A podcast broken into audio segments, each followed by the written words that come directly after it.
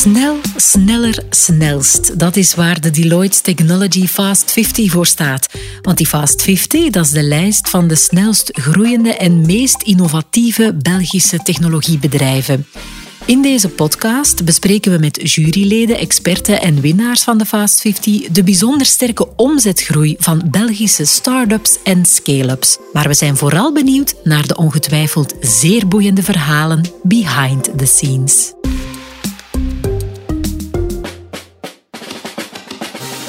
Beginnen doen we met de overall winnaar voor 2020 van Deloitte's Technology Fast 50. Het bedrijf ProUnity, waarvan we de duidelijk zeer blije CEO David Meldermans hier op veilige corona-afstand uh, hebben zitten. En Heidi Rakels die is hier ook een fenomeen, mag ik toch wel zeggen, in de ICT-wereld. Vorig jaar nog uitgeroepen tot ICT Woman of the Year. En haar bedrijf Guard Square won diezelfde Overall Fast 50 Award twee jaar geleden ook al. Welkom allebei. David, beginnen bij jou. Proficiat, hè? winnaar van de Fast 50 en niet onterecht. Ik zag de cijfers zelf en ik dacht eerlijk gezegd, oei, daar staat een, een tikfout. Een omzetgroei van 80.000 procent. Hoe doe je dat? Uh, ja, persoonlijk uh, moet ik toegeven dat we zelf een beetje verrast waren toen uh, we de boodschap kregen dat die omzetgroei zo uitzonderlijk is. Uh, we wisten uh, uiteraard wel, omdat we onze interne processen ook vrij goed onder controle hebben, dat we goed bezig waren. Uh, we merkten ook in de vergaderingen met onze aandeelhouders dat die heel blij waren. Heel blij waren, ja, absoluut. Ja. En ja, we stellen onze vraag, is dat normaal, is dat niet normaal? Maar inderdaad, ja, we hebben gewoon ons ding gedaan en blijkbaar bleek, dat, bleek dat we de juiste recepten bij elkaar gekregen hebben. Ja, dat denk ik ook. Heidi, dat denk jij waarschijnlijk ook. Een, eh, een geweldige winnaar. Eh, je won zelf de Fast 50 Award ook al twee jaar geleden. Hoe kijk jij terug op deze editie en de winnaar van 2020? Ja, ik vind dat percentage ook uitzonderlijk. Ik vraag me af of dat niet het hoogste is dat ooit een Belgisch bedrijf heeft gescoord. En ik denk zelfs dat dat in Europa een van de hoogste gaat zijn. Dat zou eens moeten nakijken. Ja. Maar het is heel hoog, hè? Ja, uitzonderlijk. uitzonderlijk hoog, ja. ja. Het thema van deze eerste podcast is innovatie. Maar we beginnen bij het begin. ProUnity, David, wat doen jullie precies? Ja, dus ProUnity is een HR-tech bedrijf en we zijn gespecialiseerd in het eh, digitaliseren van de inhuur- en beheersprocessen van externe medewerkers. En freelancers. freelancers onder andere, maar ook uh, consultants bijvoorbeeld, die aangeboden worden door uh, dienstverleners. Uh, we richten ons hoofdzakelijk op um, ICT'ers, um, marketingspecialisten, HR-specialisten. En dankzij de digitalisering zorgen wij ervoor dat de bedrijven een duidelijk zicht krijgen op het ingehuurde talent, maar ook een betere controle krijgen over hun budgetten met betrekking tot die externe medewerkers. Heb jij er zelf al gebruik van gemaakt, Heidi, voor jouw business? Nee, eigenlijk niet. Uh, tot twee jaar geleden deed ik eigenlijk uh, het aanwervingsproces in ons bedrijf. Want het was echt de bottleneck van ons bedrijf. Goede ICT'ers vinden. Dat is enorm moeilijk. En ik moet zeggen, ja, het lijkt mij fantastisch. En ik werk er nu niet meer, maar ik ga het wel zeggen. Um, aan, aan je ex-collega's ja, van ja, ga eens ja, naar prounity.com en, en check het eens. Ja, inderdaad. Ja. Heeft hij dan volgens jou een gat in de markt ontdekt? Ja, ongetwijfeld. Het is gewoon eh, voor, voor eh, bedrijven in België, als je high-tech doet, dan moet je echt heel goede mensen hebben. En het is heel moeilijk om die te vinden. En uh, wij, wij maakten wel gebruik van internationale platformen. Maar dan krijg je mensen van over de hele wereld. En zij bieden de mensen in België ook aan. En we hebben heel goede mensen in België, maar je moet ze alleen weten te vinden. Ja, je hebt ze dus gevonden. Je hebt ook ja, die nood in de markt duidelijk gevonden. Hoe is ProUnity eigenlijk ontstaan? Van waar komen jullie? Uh, ja, volgens mij, zoals uh, bij zoveel start-ups, uh, ik denk een groot stuk vanuit de frustratie Uh, niet een frustratie omdat ik er uh, zelf als uh, verkoper niet slaagde om mijn ding te doen, maar ik vond het gewoon onbegrijpelijk hoe archaïs, hoe ontransparant, hoe onefficiënt de manier van inhuur en beheer van externe medewerkers verliep. En het is eigenlijk een beetje vanuit die frustratie, reeds in 2008, 2009 liep ik met dat idee om eigenlijk ja, heel die markt een beetje te gaan omgooien en en te gaan digitaliseren. Ja, en dan uiteindelijk zijn jullie van start gegaan in? Wel, we hebben de koppen bij elkaar gestoken, ik denk ergens rond uh, 2013. Uh, want zo'n verhaal is natuurlijk meer dan alleen maar David Muildermans. Je mm -hmm. hebt hele goede collega's nodig met de juiste skills. Het is de combinatie ook van die skills die ervoor zorgt, waar we, die ervoor zorgt dat we vandaag staan waar dat we staan. Dus 2013 de koppen bij elkaar gestoken. Vele nachten, vele weekends, vele avonden. Uh, het proces, de ideeën op papier gezet, om dan uiteindelijk te gaan bouwen en dan in uh, januari 2015 hebben we beslist om de juridische entiteit ProUnity uh, uiteindelijk op te richten. En dan zijn jullie van, uh, van start gegaan en het was meteen een schot in de roos, hè? Ja, dat was ongelooflijk. Ja, inderdaad. Dus we hebben dan ehm, uh, rond november 2015 hebben we dan beslist uh, dat onze eerste versie van het platform matuur genoeg was om naar de markt te stappen. Uh, we hebben dan ook in november het platform gelanceerd en dezelfde dag hadden we om en bij de duizend freelance registraties. Op één dag? Op één dag tijd. Ja, dat is ongelooflijk. Dat je zelf niet zien aankomen? Nee, absoluut niet. We wisten dat er een hele grote vraag was naar uh, een meer uh, digitaal, transparant en efficiënt model. Maar dat het zo aanslaan, dat was echt buiten verwachting. Ja, en dat allemaal ontstaan vanuit frustratie.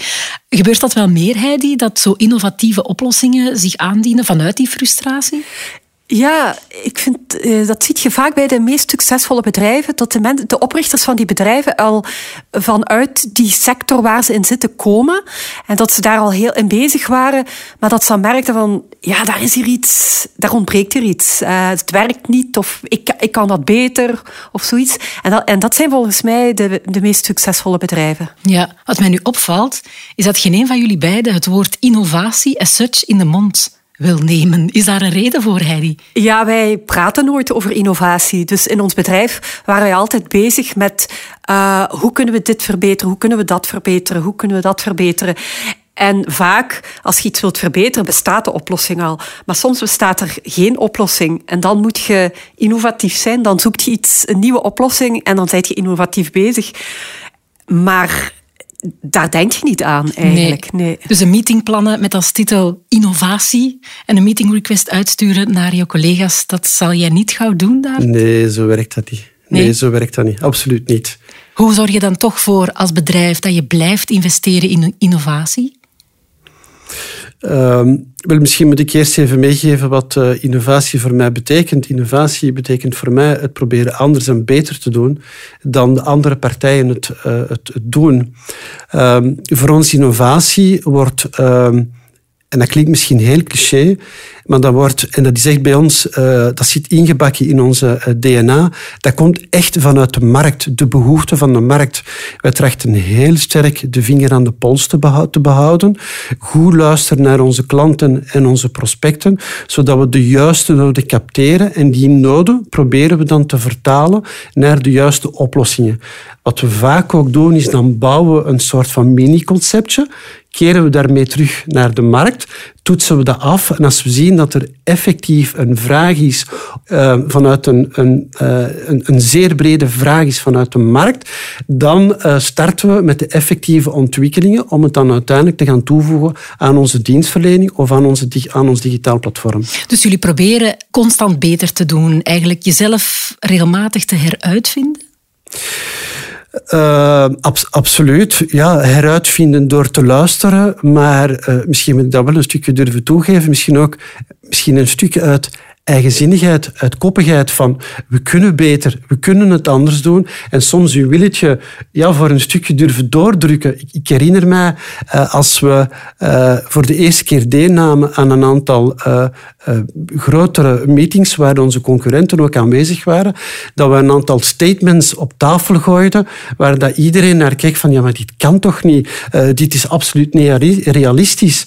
Maar het is net door het anders te denken dat je ook misschien een aantal zaken gaat doen bewegen en dat je ook met nieuwe concepten komt die uiteindelijk, ja, wat nu gebleken is, toch aanslaan in de markt. Ja, en ik zie dat je dat ook echt plezierig vindt. Ja, ik vind dat super. Ja, ja daar ga ik helemaal in op. Ja. Uh, we hebben het natuurlijk over ja, product en een dienst innoveren. Um, daar ja, verder in gaan, beter in worden. Maar jij sprak ook, Heidi, van de werking van het bedrijf moet je ook in vraag durven stellen. Ja, als men nu over innovatie praat, dan denkt men meestal aan de dingen die men aan de klanten geeft. Maar ik vind uw hele bedrijf moet ook innovatief zijn. Wij hebben bijvoorbeeld op een bepaald moment het probleem gehad. Uh, ja, wij verkochten heel, onze software veel aan buitenlandse bedrijven. En dan zeiden we: oké, we gaan een verkoper in dat land zetten, een verkoper in Engeland, een verkoper in het Midden-Oosten. Maar dan merkten we dat die mensen, uh, die zijn heel duur en ze verkopen niet. En dus we hadden eigenlijk een probleem. En toen hadden we gezegd van, oh, laten we anders in België uh, buitenlanders die in België wonen aantrekken. En die uh, ja, in ons kantoor. En die hebben dan contact met collega's. Dus we hadden in ons kantoor een Chinese, een Zuid-Koreaan, een Braziliaanse. En zo, van mensen van over de hele wereld in ons kantoor. En dat werkte heel goed. Ja. Dus, en dat is iets wat wij zelf hadden gevonden en veel goedkoper was. Dus we zijn ook naar interne processen uh, innovatief geweest. Ja, misschien ook een goede tip voor jou, David. Want het buitenland lokt voor ProUnity ook, hè? Ja, dat klopt. Ehm, we zijn vandaag ehm, reeds actief in het buitenland. Uh, weliswaar ehm, staat het allemaal nog in kinderschoenen.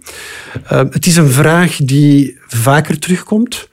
Um, wij hebben beslist om dat toch met enige voorzichtigheid aan te pakken, omdat we vonden dat onze organisatie, als ook onze dienstverlening, ons product nog niet voldoende matuur was.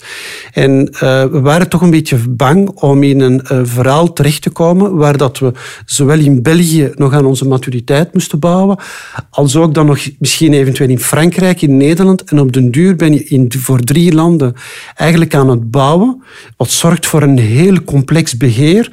Waarschijnlijk ga je dan enorm veel cash gaan verbranden, wat natuurlijk wel gevaarlijk is voor, ons, voor een organisatie. En dus wij hebben beslist om even af te wachten, zorgen voor voldoende maturiteit. En die is er vandaag. En dus vandaag hebben wij dan ook, zijn we effectief aan het kijken om te gaan uitbreiden naar uh, ja, onze uh, buurlanden. Ja, je hoort het dan best dan een Fransman in dienst nemen om dan uh, Frankrijk te gaan veroveren. Um, speelt geluk, of misschien eerder toeval, um, of het lot misschien zelfs, ook wel mee in het succes van het bedrijf? Innoveren is één ding, maar geluk, is dat ook Absoluut. Ik uh, ben een heilige believer van het uh, woord geluk. Ja? Ook buikgevoel, trouwens. Ja. Ik geloof daar heel sterk in. Uh, maar ik ben er wel van overtuigd dat je het zelf een stukje moet gaan opzoeken.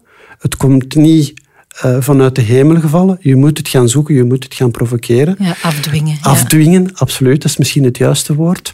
Uh, bijvoorbeeld in 2017 zaten we, hè, want initieel is ProUnity opgericht door mezelf en mijn twee venoten, ook door mezelf en een van de venoten gefinancierd. En in 2017 was het geld op. En het was een beetje een verhaal van doorgaan of uh, stopzetten. ja. En in 2017 hebben we dan, we hebben dan natuurlijk zelf afgedwongen, mm maar hebben we drie hele grote contracten getekend in hetzelfde jaar, wat ervoor gezorgd heeft dat wij aandeelhouders hebben kunnen aantrekken, dat we kapitaal hebben kunnen aantrekken en dat we vandaag eigenlijk staan waar dat we staan. Ja. Dus absoluut. Nog eens een award op het eh, schap er nog eens een keertje bij. Um, we hebben er nog niet over gesproken, maar het is zo'n beetje de olifant in de kamer corona, COVID, in hoeverre heeft dat een invloed gehad op jullie werking? Uh, ja, ik moet zeggen uh, uh, dat we daar toch eh, naar gekeken hebben met redelijk wat angst. Ehm, toen uh, corona, COVID-19 op ons afkwam. Uh, nu, ik was niet aan mijn proefstuk toe. Ik zit al sinds 2000 in de sector, dus ik heb de bankencrisis ook meegemaakt, een paar crisissen meegemaakt. Dus ik uh, heb heel snel uh, een aantal maatregelen getroffen ook. Hè. We gaan kijken naar onze uitgaven meer onder controle krijgen. dus alles van, van dichterbij gaan opvolgen. Dus uiteraard hebben wij dat ook gedaan. Maar ja, als HR-tech, wij digitaliseren. En vandaag staat natuurlijk digitalisatie zeer hoog op de agenda van de bedrijven. Bedrijven willen ja, de kosten drukken. drukken Ze willen meer transparantie. Ja, en dat is nu net hetgeen Geen wat jullie doen. Doet. Ja, ja. ja. Crisissen, uh, er wordt wel eens gezegd dat dat een goed moment is om dan juist te gaan innoveren. Heidi. Ja, uh, een crisis doet u nadenken. Uh, soms, uh, als het gewoon goed gaat, dan hebben we allemaal wat meer zelfvertrouwen. En dan, ja, dat, dan kan het gebeuren dat je niet meer uh, scherp genoeg bent. Maar als er een crisis is, dan begint je na te denken, zoekt je nieuwe dingen. En soms komen daar heel innovatieve dingen uit, inderdaad. Je ziet ook een aantal bedrijven die dat gedaan hebben. En ik zeg niet, als je dat niet gedaan hebt, dat is niet altijd mogelijk natuurlijk. Hè. Maar ja, het maakt u op een of andere manier scherper. Eigenlijk ook in de Tweede Wereldoorlog in een hele korte tijd worden er enorm veel in uitvindingen gedaan. Uh, op een of andere manier om tot de mensen dan vooruit willen of, of iets moeten vinden of zoeken. Dus ja, er zitten ook goede dingen aan, maar uh, we hadden het toch liever niet gehad. Nee, klopt. Ik denk dat we het daar allemaal over eens zijn. En nu om af te sluiten ben ik nog wel eens heel benieuwd of dat jullie voor onze, onze luisteraars van deze podcast zo nog ja, ultieme tips hebben als start-ups of scale-ups uh, of CEO's daarvan luisteren, bedrijfsleiders luisteren. Wat zou je hen dan graag willen meegeven, David? Um, ik vind dat een hele moeilijke.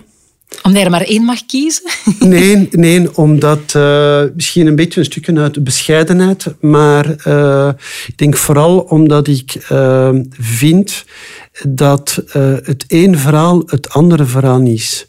Eh, de uitdagingen waar ProUnity tegen aanloopt, zijn niet de uitdagingen van een ander bedrijf. En die uitdagingen zijn weer niet de uitdagingen van een ander bedrijf.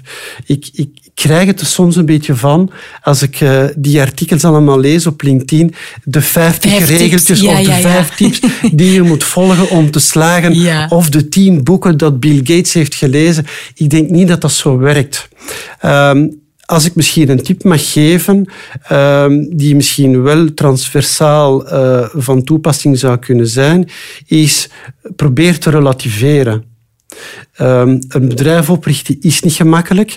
Hetgeen dat je gepland hebt vandaag voor morgen zal weer iets anders zijn. Dus het verandert allemaal zo snel en je moet proberen te relativeren. Het komt wel goed. Probeer goed te evalueren wat het er op je afkomt.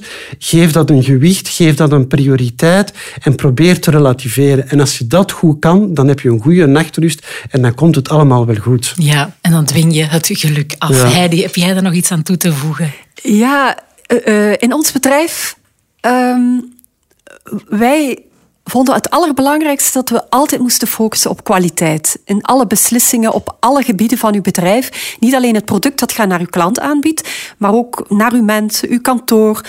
Altijd kwaliteit uh, vooraan zetten. Dus niet focussen op bijvoorbeeld wat veel start-ups doen. Ja, we moeten snel groeien of we moeten zoveel mogelijk geld ophalen of, of zo. Nee, kwaliteit, dat is de focus die je moet hebben. En met deze wijze woorden beëindig ik graag deze eerste podcast van Deloitte's Fast 50. Een omzetgroei van maar liefst 80.000 procent. Ik blijf dat een waanzinnig getal vinden. En daarmee ook de winnaar van de Fast 50 van 2020. Nogmaals proficiat David Muildermans, CEO van ProUnity. En ook dank voor dit gesprek. En ook dank aan Heidi Rakels voor je heldere inzichten en het delen van je kennis. En aan jou, beste bedankt dat je luisterde naar deze podcast en klik vooral door naar de volgende aflevering, waar ik spreek met de Most Sustainable Growth winnaar onder de Fast 50 bedrijven.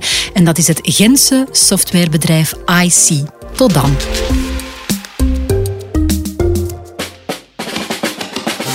Abonneer je nu op deze podcast-app via Spotify of een podcast-app naar keuze en ontdek de winnaars van Deloitte's Technology Fast 50.